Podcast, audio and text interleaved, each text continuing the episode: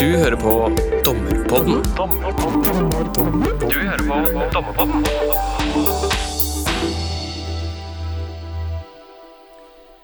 Det er kanskje noen som begynner å bli lei av begrepet aktiv saksstyring, men eh, det er vel, tror jeg, likevel et faktum at det blir stadig mer aktuelt. Vi har hørt om dette iallfall siden tvisteloven ble vedtatt i 2005, men vi har sett at eh, det er blitt mer oppmerksomhet rundt eh, dette med at dommeren skal være aktiv under saksforberedelsen den siste tida, ikke minst etter at Domstolskommisjonen kom med sin utredning.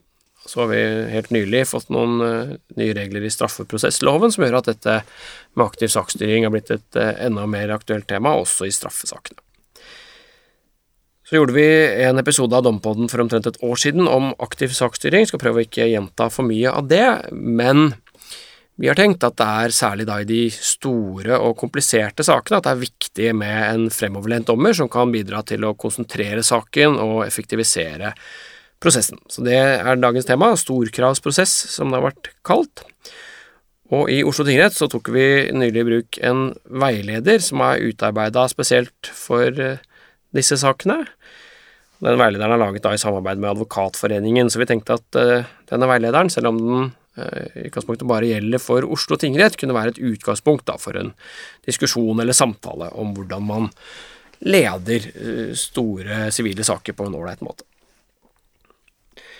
Det vi har gjort, er da, eh, kanskje ikke overraskende, å invitere to av eh, medlemmene i denne prosjektgruppa som utarbeida veilederen. Og den ene er eh, tingrettsdommer og, og, min avdelingsleder, Anette Barth, som også ledet arbeidsgruppa. Velkommen hit, Anette. Tusen takk skal du ha, Ola. Um, ja, jeg må passe meg da, siden du er uh, sjefen min, at jeg bare at jeg gjør en ordentlig jobb. Men, men kan du kanskje si litt om bakgrunnen for at uh, Oslo tingrett satte i gang et arbeid med å lage en sånn veileder for storkravsprosess. Ja, jeg tror selve ideen til veilederen den kom med årstalen til lederen av Advokatforeningen helt tilbake i 2018. Eh, verdien av god tvisteløsning var eh, overskriften på den talen. Der eh, spilte lederen ut et forslag om å tilby tvisteløsning i small, medium og large. Eh, og fokuset var vel at tvisteloven har jo mange verktøy, men eh, det var stilt spørsmål da om vi alltid bruker dem. Så har vi jo småkravsporet, som vi kjenner til, som er et eget prosesspor i tvisteloven. Eh, og vi har jo lenge vært opptatt av dette med aktiv saksstyring, sånn som du innledet med å si. Og det har kanskje først og fremst gjeldt i disse mer medium-sakene, men i de store sakene har vi tenkt nok igjennom hvordan vi rigger og gjennomfører dem, og er det et potensial for bedre håndtering her. Nettopp. Fint. Vi skal introdusere deg også, Ronny Lund. Du er partner i Wiersholm, erfaren prosedyreadvokat og voldgiftsdommer, tror jeg, og har jobba mye med komplekse tvistesaker, i tillegg til at du har vært med å lage denne veilederen. Så velkommen hit, Ronny. Jo, tusen takk for det. Veldig hyggelig å få lov til å komme hit. ja, Så bra. Det vi hørte jo Anette sa at dette initiativet kom fra advokatsiden, egentlig. Kan du si noe om er, det, er aktiv saksstyring viktig for dere? Ja, det tror jeg at, at, Hva skal jeg si Det enkle og raske svaret på det ville være et ja. Eh, men et litt mer eh, Et litt større og bredere svar på spørsmålet tror jeg må være at en aktiv saksstyring, det er viktig for alle aktører i eh, domstolen. Det er viktig for dommerne, er viktig for advokatene, og det er ikke minst viktig for advokatenes klienter, altså de som er parter i eh, sakene. Eh, aktiv saksstyring har en side mot eh, hva vi oppnår og kan oppnå gjennom det. Og det er goder som jeg tror det er temmelig ukontroversielt blant de fleste grupper, også blant advokater, at vi er tilhenger av. For man kan jo tenke seg at man er glad for aktiv saksstyring på et litt sånn aggregert nivå, men eh, jeg har jo av og til følelsen av at eh, advokaten opplever det som litt sånn plagsomt når jeg prøver å være veldig aktiv i en konkret sak. Jeg vet ikke om du har noen tanker om det? Jo, det er nok, det er nok et viktig, viktig, viktig poeng, det. Og jeg, jeg tror nok at, at advokater, hva skal jeg si, prinsipielt, når, du, når du nærmer deg dette spørsmålet, så tror jeg alle egentlig vil være ganske enige om at aktiv saksstyring er noe positivt og noe viktig. Men vi har samtidig en kultur for det motsatte. Og advokatene, som alle andre jurister, er ganske tilpasningsdyktige. Så uh, i, i, praktiske, i, det praktiske arbeid, og man liksom, hvordan man forbereder seg selv i den enkelte sak, og hva man forventer av domstolen i den enkelte sak, der vil nok en sånn brå, aktiv saksstyring fra dommerne kunne komme litt som en overraskelse på enkeltadvokater. Så, så, så, så, det kan nok være, begge deler kan nok være riktig. Det, det er jo registrert i hvert fall domstol, Domstolskommisjonen, da, i likhet med deg, Ronny, at det var et litt et uutnyttet potensial for, for, for, oss dommerne da, i, i tvistesaken. Og Nette, kanskje du kan bare fortelle kort da, denne prosjektgruppa du ledet. Hva var det egentlig de ble bedt om å gjøre, og, og, og hvor er dette arbeidet i løypa nå? Mm. Eh, gruppen var jo gitt et mandat og det var egentlig et uh, todelt uh, mandat. Først og fremst var gruppen bedt om å identifisere hvilke utfordringer behandling av store kravsaker gir. og deretter var jo da gruppen bedt om å lage en veileder som adresserer disse utfordringene. Men ålreit, vi, må si litt om hva, hva hvilke, hvilke, spesielle problemer er i disse sakene, sånn denne prosjektgruppa eh, så det? Jeg vet ikke om noen av dere vil, vil hva, er som, hva, hva, er problemet med en stor sak kontra en, en mediumsak, da, hvis vi skal bruke terminologien som har vært brukt der? Ja, det er vel flere, uh, flere ting. Altså Grunnleggende sett så er jo da store saker ofte mer komplekse, rett og slett. De dreier seg om, om, om mange tvistepunkter.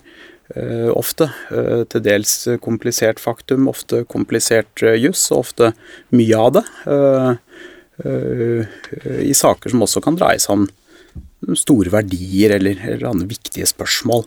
Så det er liksom saker, saker som er store, og som må håndteres på et vis deretter. Og, kanskje dette behovet for å relativt tidlig få klarhet i hva er det egentlig partene reelt er uenige om? Hva er det tvistesaken egentlig gjelder i alle deres eh, punkter? Eh, det er nok kanskje særlig viktig i saker som er store, og hvor det kan til dels være litt krevende, og de er litt uoversiktlige. Og det da er uh, kanskje ekstra viktig å få et godt grep på det tidlig. Hva var det, eller hva er det vi egentlig forsøker å oppnå i disse sakene? Er det billig, er det bra, er det raskt? Er det, hva, hva, er egentlig målet her? Eller alt, kanskje?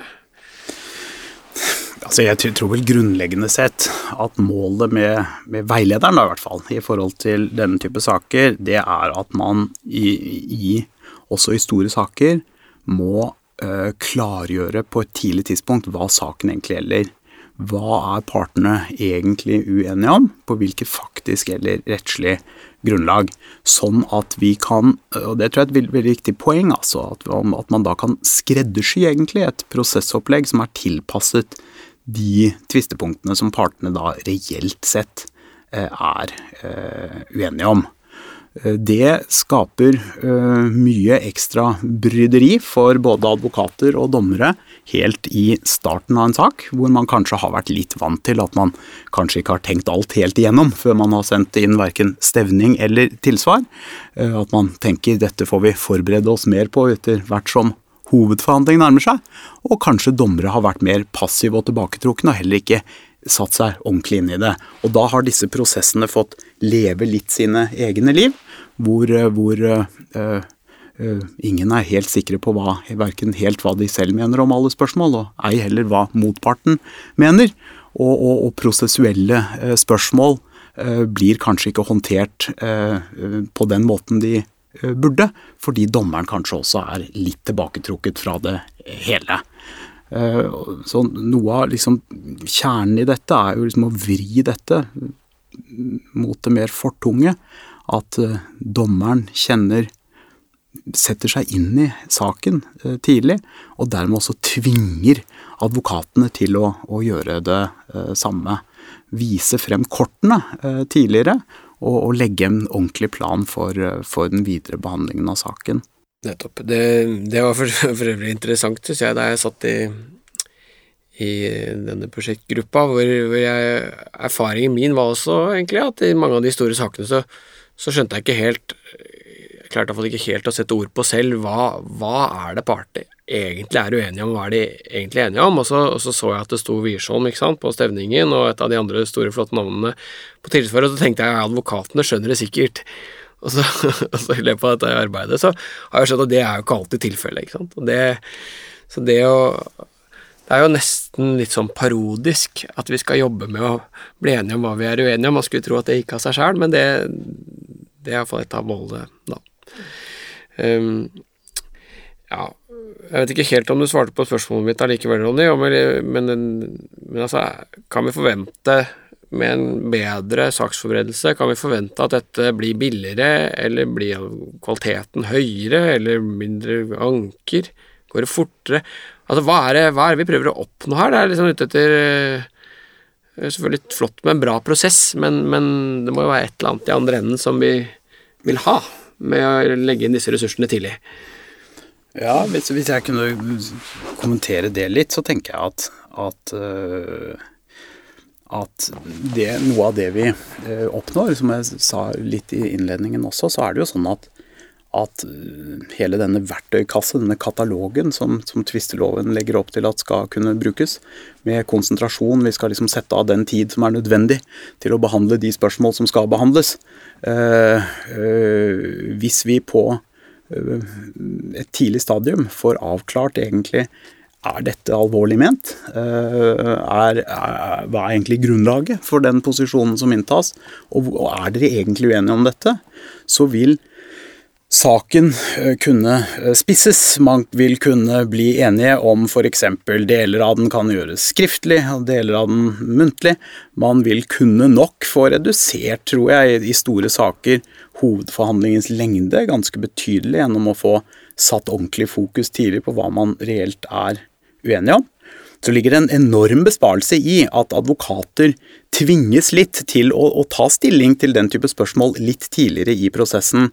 Da vet begge sider, og dommeren, vet liksom hvilke spørsmål som er i fokus. Man slipper å bruke så mye energi på å forberede seg på en masse varianter av potensielle innfallsvinkler som du aner at motparten vil kunne komme med.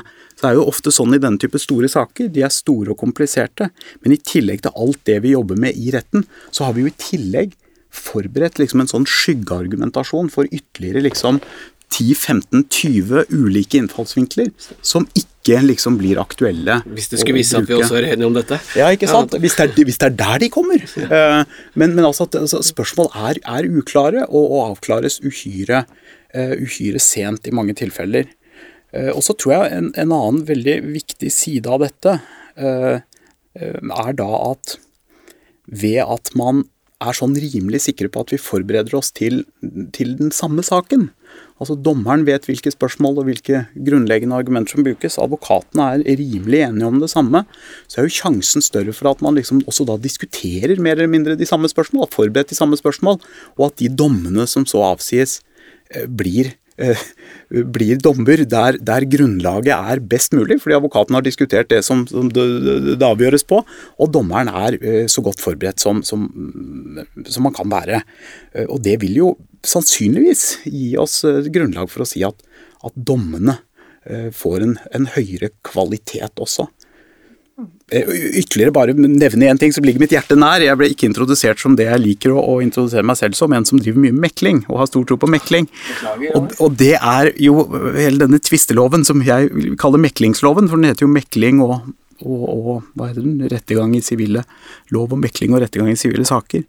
Eh, dette med mekling, og dette med forhandlinger og dette med løsninger, det henger ofte sammen med liksom hvor langt man har kommet på begge sider i å, å helt forstå hvor man har motparten, og, og, kanskje noen ganger litt hvor man har seg selv. Og Tvinges man til å ta stilling til det på et tidlig stadium, så tror jeg grunnlaget også for at saker på et tidlig tidspunkt er modne for mekling.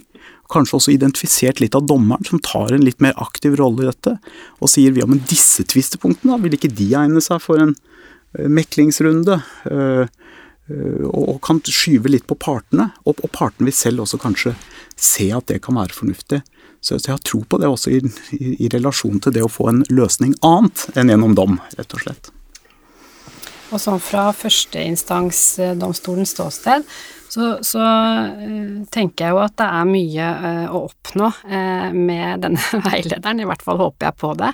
Jeg tror jo at mange tenker at i de riktig store og vonde og vanskelige sakene, så fungerer førsteinstansen som en slags sånn oppvarming. For et saksordnet møte til lagmannsretten. og jeg tenker jo at veilederen er egnet til å kunne gi en eh, tidligere rettsavklaring, og at den vil heve på en måte kvaliteten på, eh, på avgjørelsen i, eh, hvis det ender sånn i første instans. Og absolutt, sånn som Ronja er inne på, altså ved at vi er mer fortunge, så eh, tror jeg at det ligger til rette for at eh, vi kan få til minnelige løsninger på et tidligere stadium av saken. Og da kan jo i forhold til eh, formålet med eh, de forskjellige instansene, så kan man jo også se for seg at ankeinstansen kommer mer til rett som en reell ankeinstans til overprøving av de eh, sidene ved saken som fortjener en ny runde. Nettopp. Ja, nå har vi jo holdt på en stund allerede, og, og, og jeg har ikke snakket om hva egentlig er det vi, vi eller dere foreslår. Hva er det som gjelder nå i Oslo tingrett for store storkravsprosess? Så nå er vel antagelig neglene hos lytterne bitt ned til neglebåndene i spenning. Så da kanskje du kan forløse den spenningen, Anette. Hva, hva, er det, hvis du prøver å gi noen overskrifter, og hva er det dommerne i Oslo tingrett nå, eh, i hvert fall de som bruker veilederen, da, skal gjøre i disse sakene? Hva, hva, er det vi ser for oss? Hva slags prosess er det vi ser for oss? Mm. Altså, vi kan jo gå veldig konkret eh, til verks og hoppe litt innom alle disse fasene i en eh, tvists liv i førsteinstansen, men det er iallfall fristende å, å, begynne med å si at det eh, eh, veilederen gir av råd eh, og veiledning, det er jo helt på det overordnede nivået eh, at alle aktørene i en stor sak skal opptre mer koordinert ikke sant, det er jo hele tanken, eh, og at vi skal ha en omforent plan om hvordan tvisten skal forløpe. Vi skal være samsnakket. Altså én ting er dette med eh, aktiv saksstyring, som nærmest er blitt et litt forslitt begrep, men det ble i hvert fall veldig tydelig for meg under arbeidet med storkravveilederen at dette handler jo vel så mye om samhandlingen. Det er jo det som er så utrolig viktig. Eh, og det er utrolig viktig at eh, alle eh, aktører i en stor eh, tvist eh, har avklart hvilke forventninger vi har til hverandre. Og det må vi gjøre helt eh, innledningsvis i en prosess. Um, så hvis du vil gå litt eh, Er du nå interessert, Ola, at vi går litt mer til konkret til verks gjennom eh, tvistens gang? Kan du ikke bare ta litt sånn highlights, da? Hva er det ja. liksom de store tingene som er foreslått her, som, som kanskje skiller seg litt fra fra som vi har pleid å gjøre det. ja, altså Det at saken skal klarlegges på et tidlig tidspunkt, det er jo på en måte helt eh, sentralt i veilederen. Det er jo først når vi har en eh, klarlagt tvist at vi kan få planlagt hva vi har å gjøre. og det er jo ofte det som kan sette sette ut hele styringen av en sak. Det er jo når eh, man tror, dommeren sitter og tror at man vet hva tvisten handler om, og så blir på en måte eh, kravene og tvistegjenstanden utviklet gjennom sakens gang, og på en måte helt opp mot eh, avsluttet saksforberedelse da er det vanskelig å styre prosessen. Så det er på en måte punkt nummer én. Eh, og punkt nummer to er jo at eh, når tvisten er klarlagt, så ligger det til rette for en eh, tidlig planlegging av hva som skal skje i denne konkrete saken, og til hvilken tid det skal skje. Og det er jo også veldig viktig at eh, når man får planlagt eh, og samhandlet om eh, til hvilken tid ting skal skje, så har alle aktørene i en sak, også dommeren, mulighet til å avsette den tiden som må være nødvendig til å gjøre det dommeren skal få gjort under saksforberedelsen. Det siste elementet i veilederen, det er jo eh, tanken om at eh, hovedforhandlingen skal skje mer konsentrert i de store sakene enn vi kanskje har av tradisjon eh, for at den skjer. Eh, så eh, det er på en måte det overordnede, og eh, litt mer konkret så kan vi jo kanskje starte opp med dette med stevning og tilsvar. Kanskje du kunne supplere litt der, Ronny. Dette er jo advokatens serv. Ja, og, og, der er det jo regler i dag i, i tvisteloven som, som, sier ganske mye om hva stevning og, og, tilsvar skal inneholde. Det kanskje nye elementet, hvis man skal bruke litt andre ord enn en bare ordene som står i veilederen, så kan man si at kanskje det nye er at partene, advokatene, gis en ganske klar beskjed om at den stevningen du sender inn, den kommer til å bli lest. Den kommer til å bli lest av dommeren. Og dommeren ønsker å forstå den. Eh, og, og tilsvaret likeså. Eh, her bør dere lage så gode dokumenter at den videre saksforberedelse blir enklere allerede fordi dokumentene deres er gode. Eh, de bør være gode i den forstand at de forklarer hva man mener, og hvorfor man mener det. Rettslig, hva man anfører, hva man gjør gjeldende, og også hvilke bevis man vil støtte seg til. Og skriver man, skriver man gode stevninger og gode tilsvar, så vil det planmøtet som deretter skal avholdes, hvor man nemlig skal prøve å få klarhet i hva er dere egentlig er enige og uenige om, vil da gå betydelig lettere. Men jeg tror det, det, det er noe av, noe av kjernen i dette. At dommeren vil ta en annen rolle, og det vil forventes av advokatene at de til dette planmøtet er i stand til å formulere temmelig klart, sånn at vi, vi klarer å, å, bli enige om hva vi er enige og altså hva tvisten egentlig gjelder og hvilke posisjoner man, uh, man, inntar.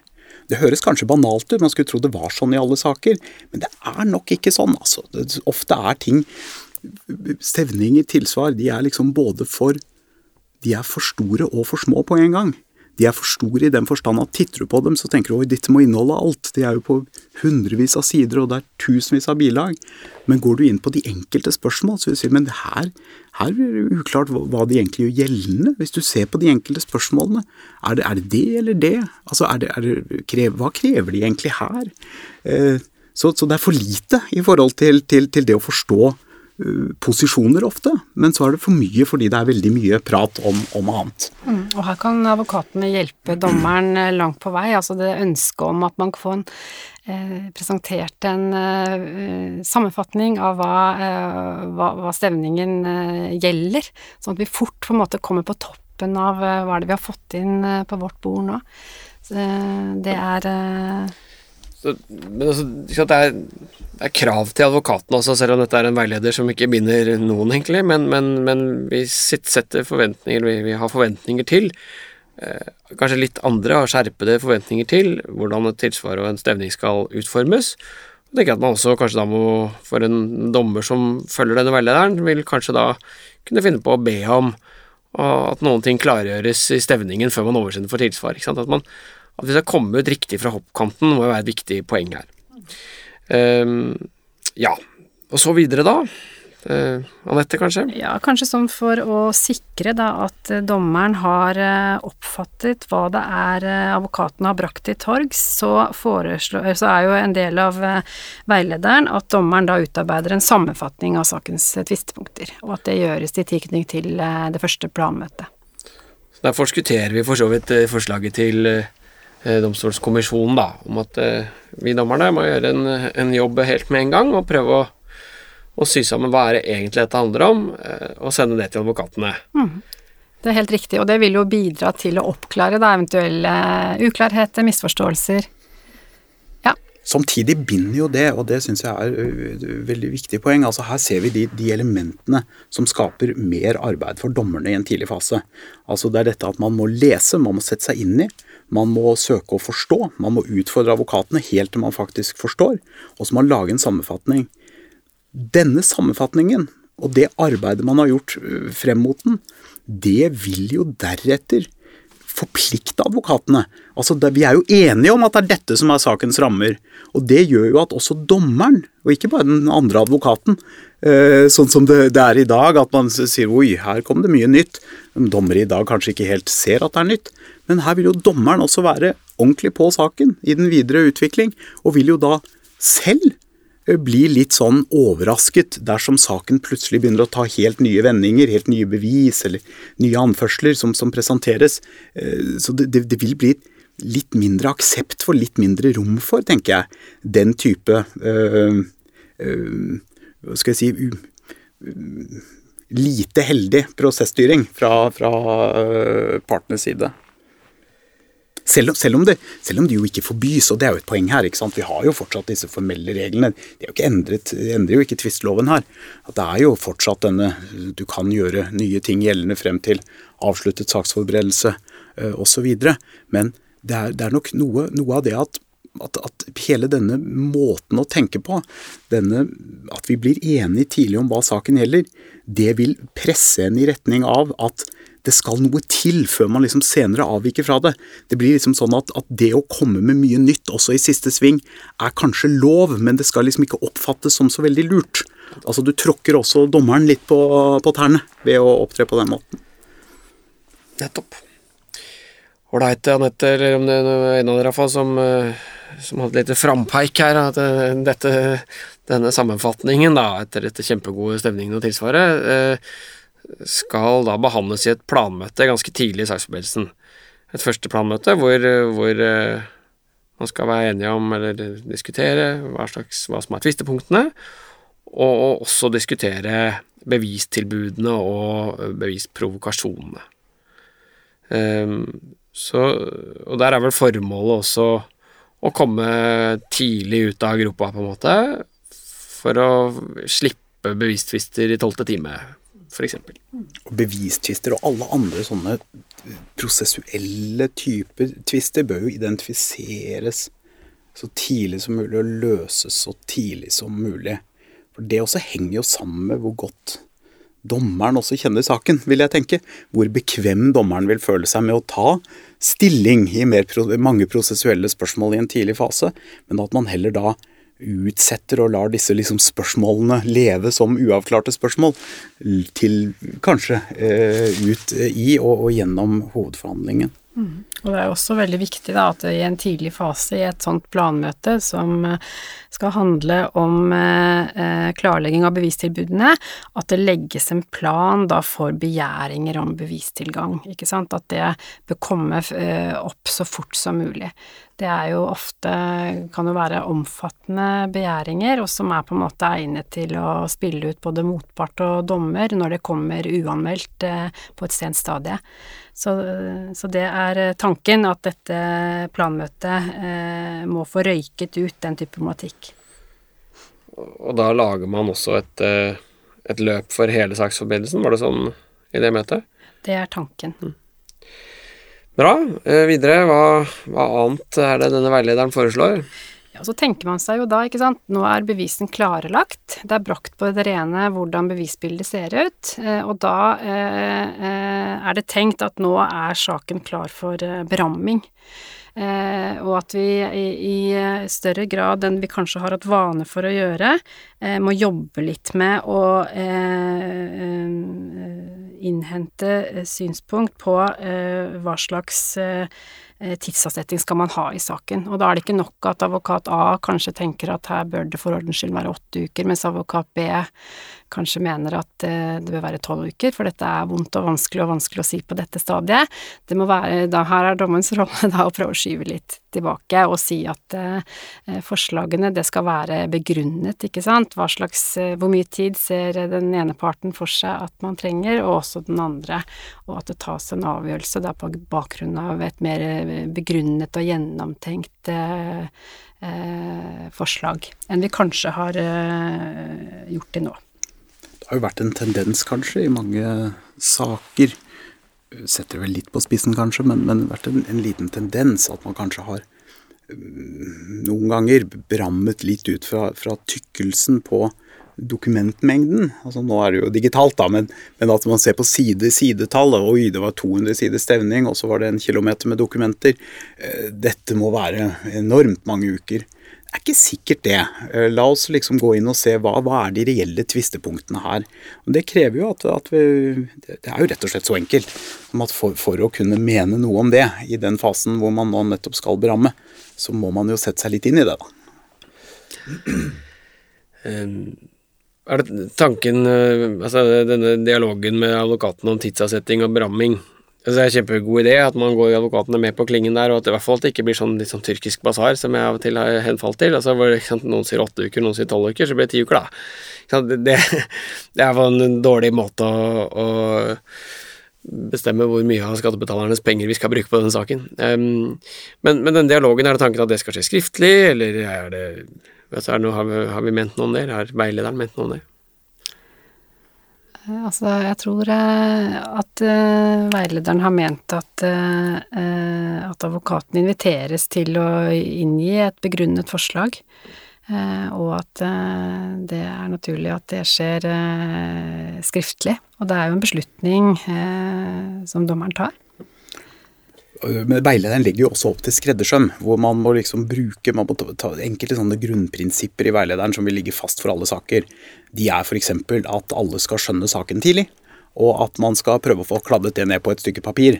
Men derfra og ut så legger jo dette skreddersømtilnærmingen opp til at man jo kan i varierende grad avholde planmøter, i varierende grad invitere til at man får avklarende prosesskriv om bestemte temaer, at det innhentes ulike typer av erklæringer, og at kanskje disse igjen kommenteres, at det er spesielle prosessuelle spørsmål som reiser seg, som vil kreve en serie av spesielle prosesskriv, men at dette er en del av en plan, det også. At vi tenker at dette er den type fenomener vi trenger i denne saken, og at det ikke kommer litt sånn nå om da, nå og da, at man som advokat bare børster støv av bunken med dokumenter man gjør ikke det lenger heller, for alt er digitalt, men, men altså at man finner frem denne saken etter at den liksom har vært, øh, vært taust i et halvt års tid, og så finner man frem og sier her var det jo, her var det jo en del. Her får, øh, øh, hva, hva, med liksom å ta, ta, tak i det prosessuelle spørsmålet vi en gang drøftet? Uh, nå hadde jeg fem minutter ledig til å, å, se på det. Altså Det er uh, det motsatte av en sånn ordentlig uh, plan.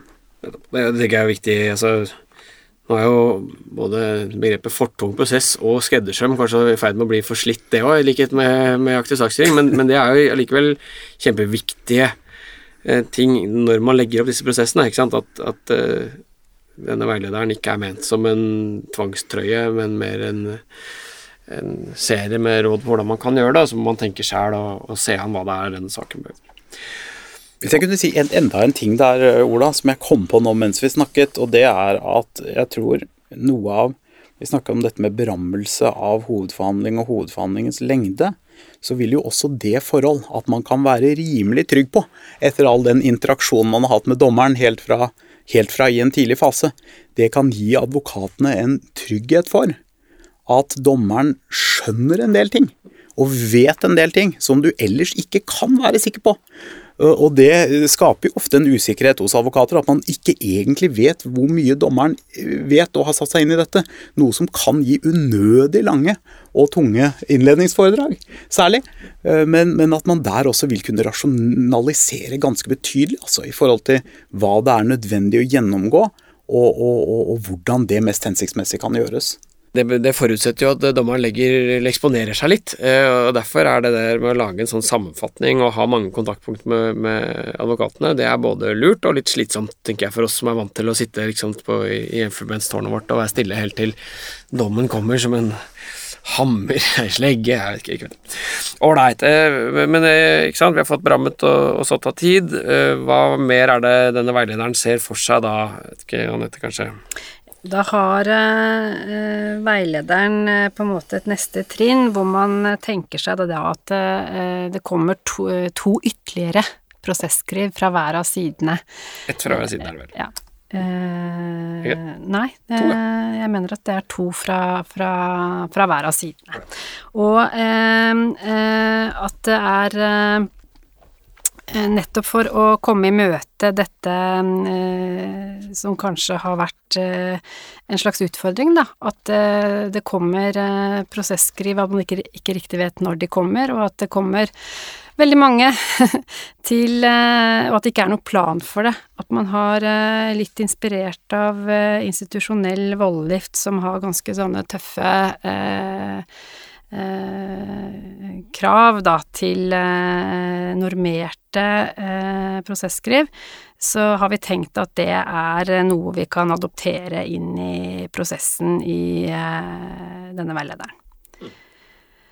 og det at det skal være til fastsatte tider, og det skal jo også handle da om at alle aktørene vet når det kommer. Det skal ikke være så mange overraskelser rundt neste sving. Fint. Um, så det er sånn tanken at vi begrenser antall prosesskriv. Det er også en litt sånn radikal ting som vi kanskje kan snakke litt mer om etterpå. Um, greit, noe ytterligere du vil si om uh, hovedgrepene som denne veilederen gjør, Anette? Ja, da begynner vi vel å nærme oss uh, avsluttet uh, saksforberedelse. Da har vi jo en forslag til frist i tvisteloven, men at vi tenker at i disse sakene så bør saken ligge i ro en stund før hovedforhandlingen, og at, eh, at veilederen gir anvisning på fem uker før hovedforhandlingen, at saksforberedelsen sluttes og eh, avsluttes, og at sluttinnleggene eh, kommer en uke etterpå, altså fire uker før hovedforhandlingen. Eh, så da, eh, da, eh, skal det ikke være mer utvikling i saken. Da er det som blir presentert av tvist og grunnlag og bevis gitt inn. Og så tenker man seg at det ligger til rette for et planmøte for å på en måte kalle troppene sammen og eh, få en omforent plan om hva er det som egentlig skal skje under den hovedforhandlingen. Altså hva skal framdriften være? Eh, og skal vi gjøre bruk av utdrag og disposisjoner? hvordan skal vi fordele tiden i forhold til saksfremstilling, i forhold til bevisføring? Eh, parts- og vitneavhør, ja, og andre ting som er naturlig å diskutere i et sånt hovedforhandlingsplanmøte. Dette er jo eh, en egen ordning som eh, tvisteloven for så vidt regulerer, og det kan være noe litt ulik erfaring med om dommerne innkaller til sånne møter, men vi tenker altså i storkravsaker så vil det være helt naturlig å ha et slikt møte. Nettopp. Um Greit, jeg vi skal liksom snakke litt eh, rundt dette, hvis det ikke er noe mer dere vil trekke fram fra selve veilederen eh, helt konkret.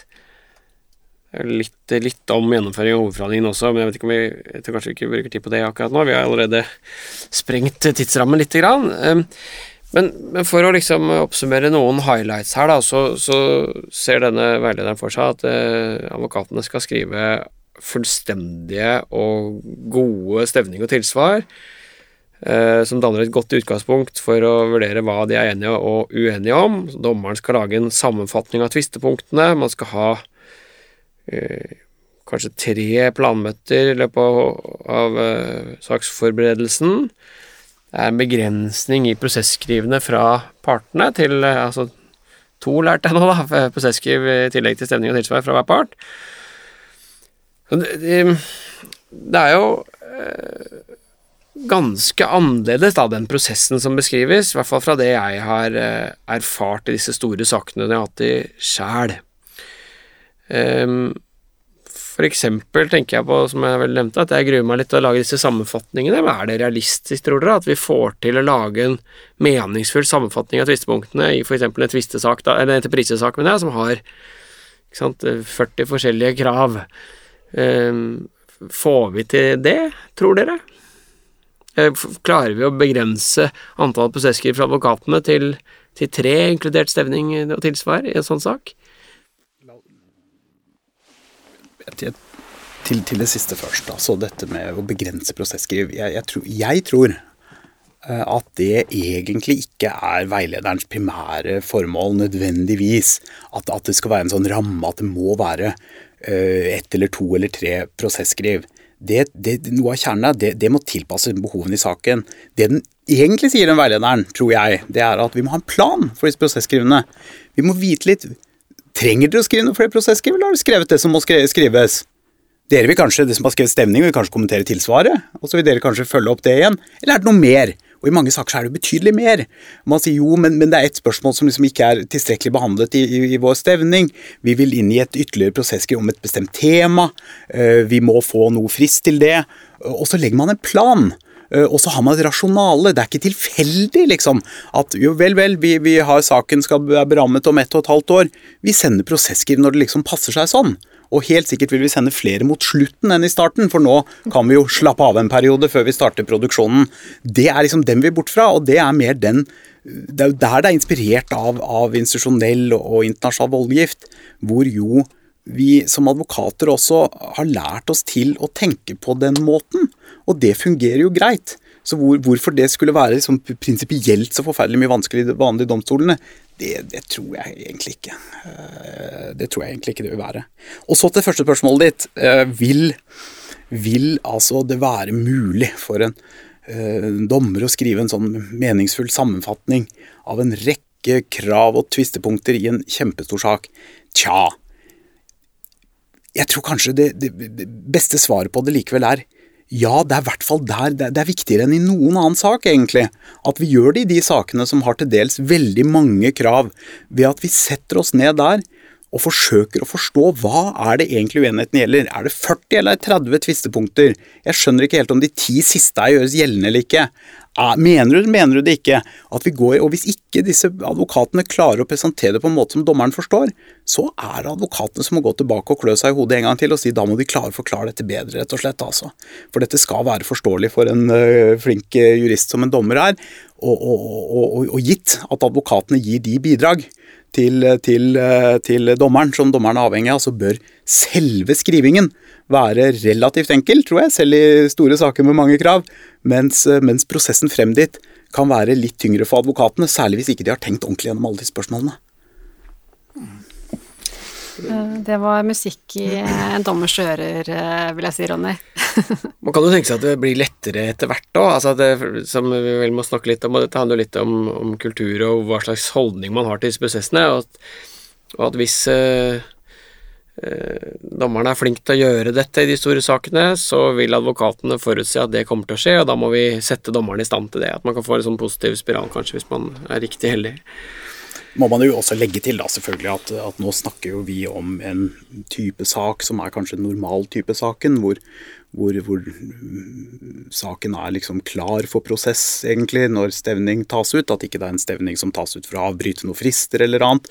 Hvor det per definisjon kanskje er litt sånn prematurt, og hvor man må tilpasse prosessen til det. Uh, og det vil også være andre liksom, spesialtilfeller hvor f.eks. tilsvaret inneholder helt nye og andre ting enn det stevningen liksom tar som utgangspunkt, at i realiteten er motsøksmål eller annet. Sånn at man må, må se at, uh, at, disse sakene uh, kan være forskjellige, og at man må tilpasse systemet til det. Men grunnleggende sett så ligger det noe fast. Det er at dommeren skal skjønne det tidlig. Og dommeren skal kunne klare å skjønne det så godt at det går an å sette det ned på et ark. Uh, relativt enkelt hva dette gjelder. Å lage en tydelig eh, plan for eh, Plan for videre arbeid.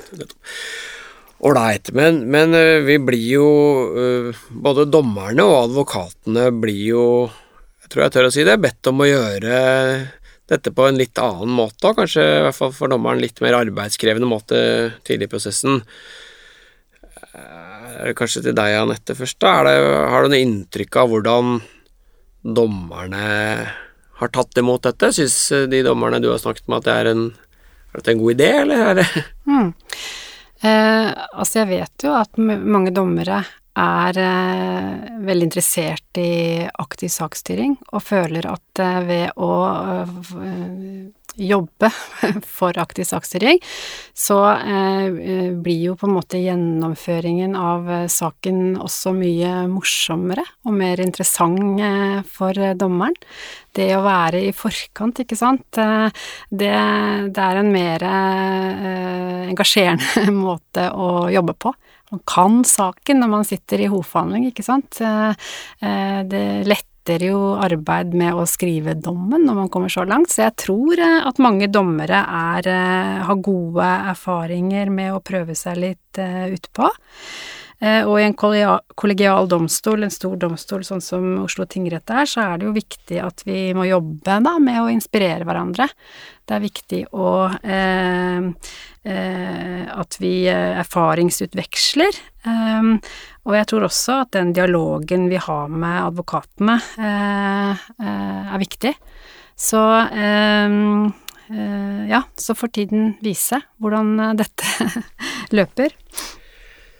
Nei, Ronny, hva, hvordan, eh, har du inntrykk av hvordan advokatene har tatt imot denne tanken om å gjøre det kanskje litt annerledes enn vi har gjort det? Ja, selve tanken Eller, eller først til premisset ditt, hvordan vi har gjort det. Fordi jeg, jeg, tror det er viktig å si at dette har variert veldig.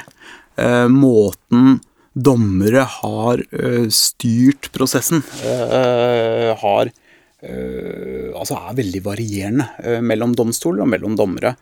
Og Der tror jeg vi må si at, at Oslo tingrett på mange måter har, ligger langt fremme og har gjort det, før og uavhengig av denne veilederen. Mange, veldig mange dommere i, i Oslo tingrett følger jo opp dette nesten som eh, det veilederen legger opp til allerede. Uh, og, og, mitt inntrykk er vel litt som eh, du sa det innledningsvis, at en del advokater har møtt det med litt sånn hva er det som skjer nå? Hva, er det denne dommeren driver med?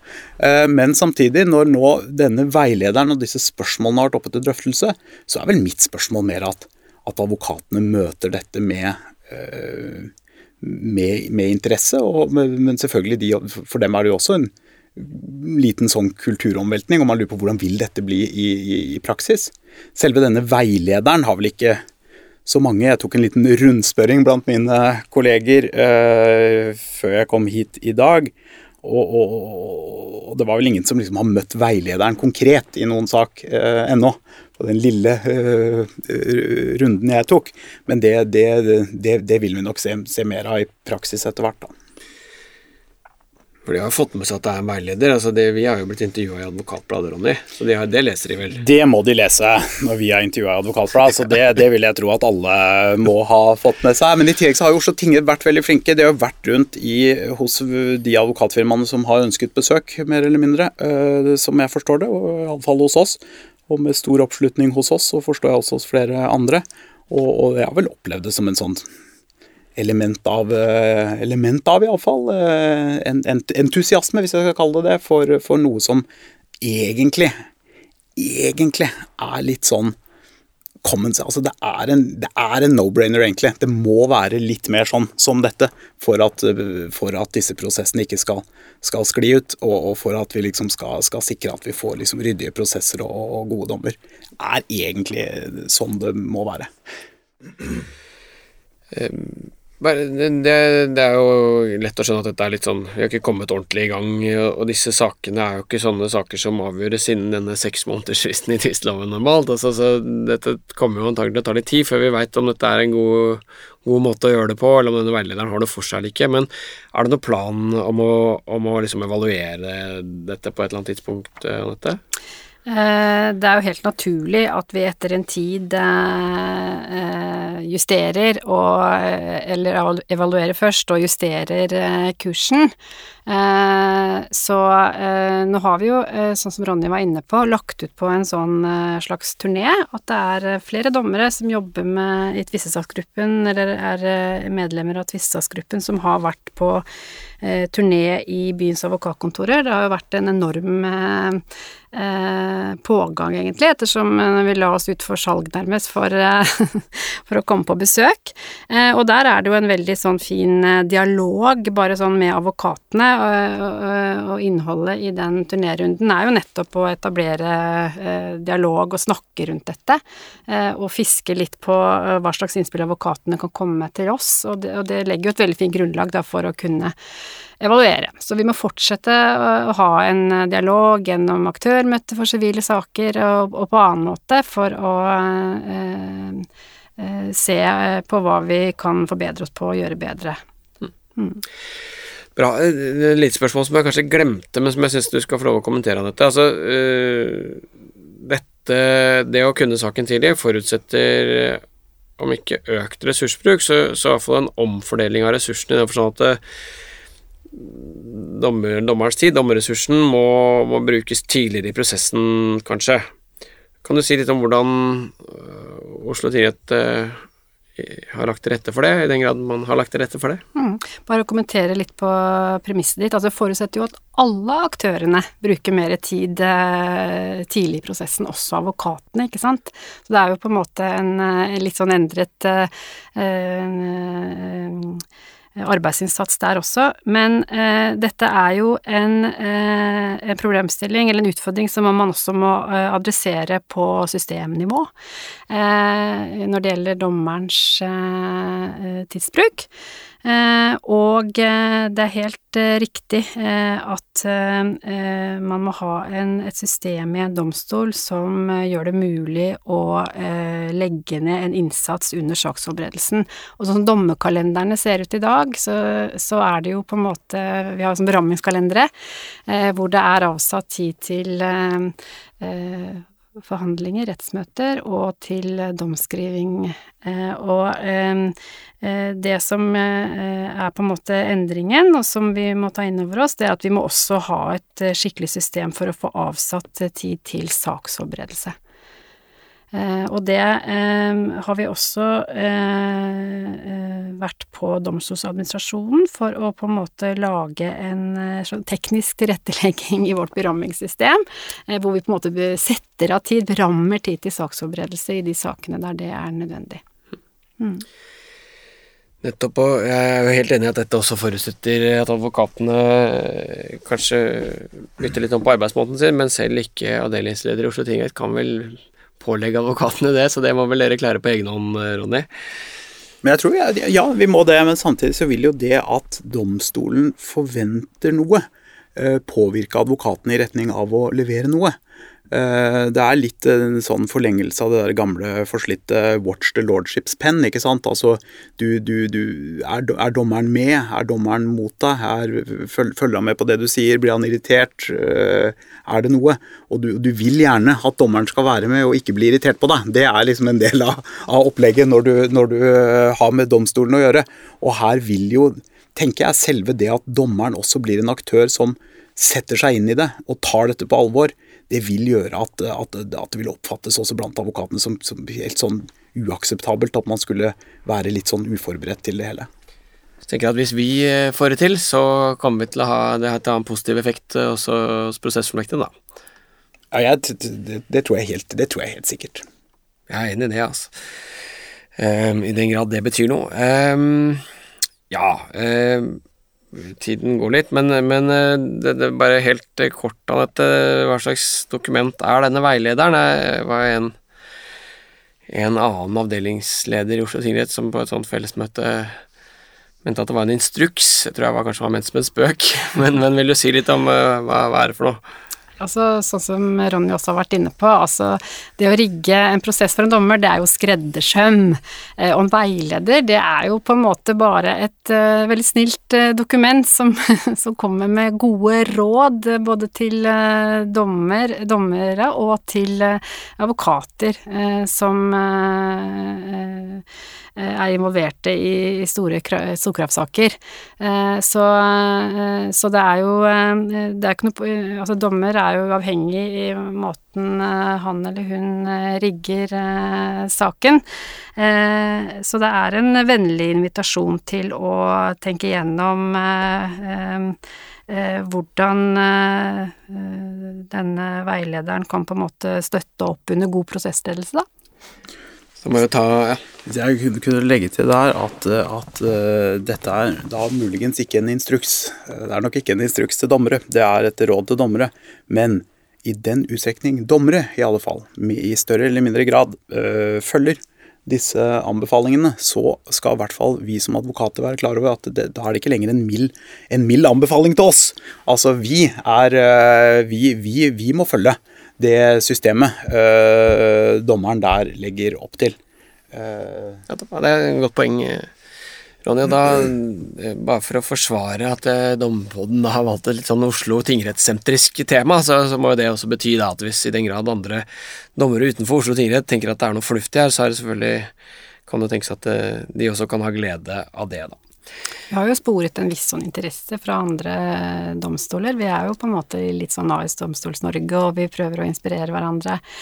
Eh, og jeg vet at eh, veilederen er sendt til alle domstolslederne, så den er i hvert fall gjort, eh, gjort tilgjengelig for de som tenker at det kan ligge noen gode tips og triks her. Er. Og, og, bare for å ha sagt det, så, så fins den jo på, på internett. Det er jo da jeg skulle finne fram da jeg forberedte meg til dette, så googlet jeg storkravsprosess og veileder, og, der var den. Eh, men eh, vi må snakke helt kort om rettsmekling eh, som en del av aktiv saksforberedelse i storkravsprosess. Du har vært innom det, Ronny, og, og syns du sa noe, en del fornuftig om det. Men jeg vet ikke om dere vil si noe mer om, om det, og, og kanskje også du, Anette, må kanskje si noe om det arbeidet som gjøres med å lage en tilsvarende veileder om, om nettopp det. Mm. Eh, det med å eh, planlegge for og rigge rettsmeklinger i storkravssaker, det er jo en egen eh, og viktig side i saken. Eh, og det ble eh, Altså selve denne veilederen, den adresserer ikke de særlige utfordringene som eh, melder seg her. Eh, eh, det er jo nevnt at man tar opp spørsmål om rettsmekling på, i tidlig fase av saksforberedelsen. men det er også nedsatt en egen gruppe som består av medlemmer fra både Oslo tingrett, Borgarting og Advokatforeningen som i disse dager eh, ser på de særlige utfordringene da som mekling eh, eh, av store sivile saker reiser. Og det vil jo være på en måte Det arbeidet de eh, gjør, det vil jo være da til utfylling av denne veilederen. Mm. Det jeg har planer om å lage en uh, liten episode når den veilederen er klar, om, om mekling av store saker. Men, men, vi må kanskje si også at eh, det er jo i de store tvistesakene at prosesskostnadene virkelig løper. sånn at det å ha rettsmekling høyt oppe mens man holder på å forberede sånne saker, det, det må det være mye å, å, hente på. Helt klart, og det er jo masse mekling, utenrettslig mekling også, i saker som domstolene aldri får se. Eh, der store mulige tvister løses eh, før, før det kommer til det skritt at de ellers ville beveget seg inn til eh, domstolen. Jeg tror veldig enkelt sagt iallfall, så, så tenker jeg at eh, denne veilederen gjør i alle fall ikke øh, gjør i alle fall ikke det å få til å legge grunnlaget for en vellykket mekling dårligere. Altså Dette reduserer ikke på noen måte øh, mulighetene for å få til mekling. Tvert imot.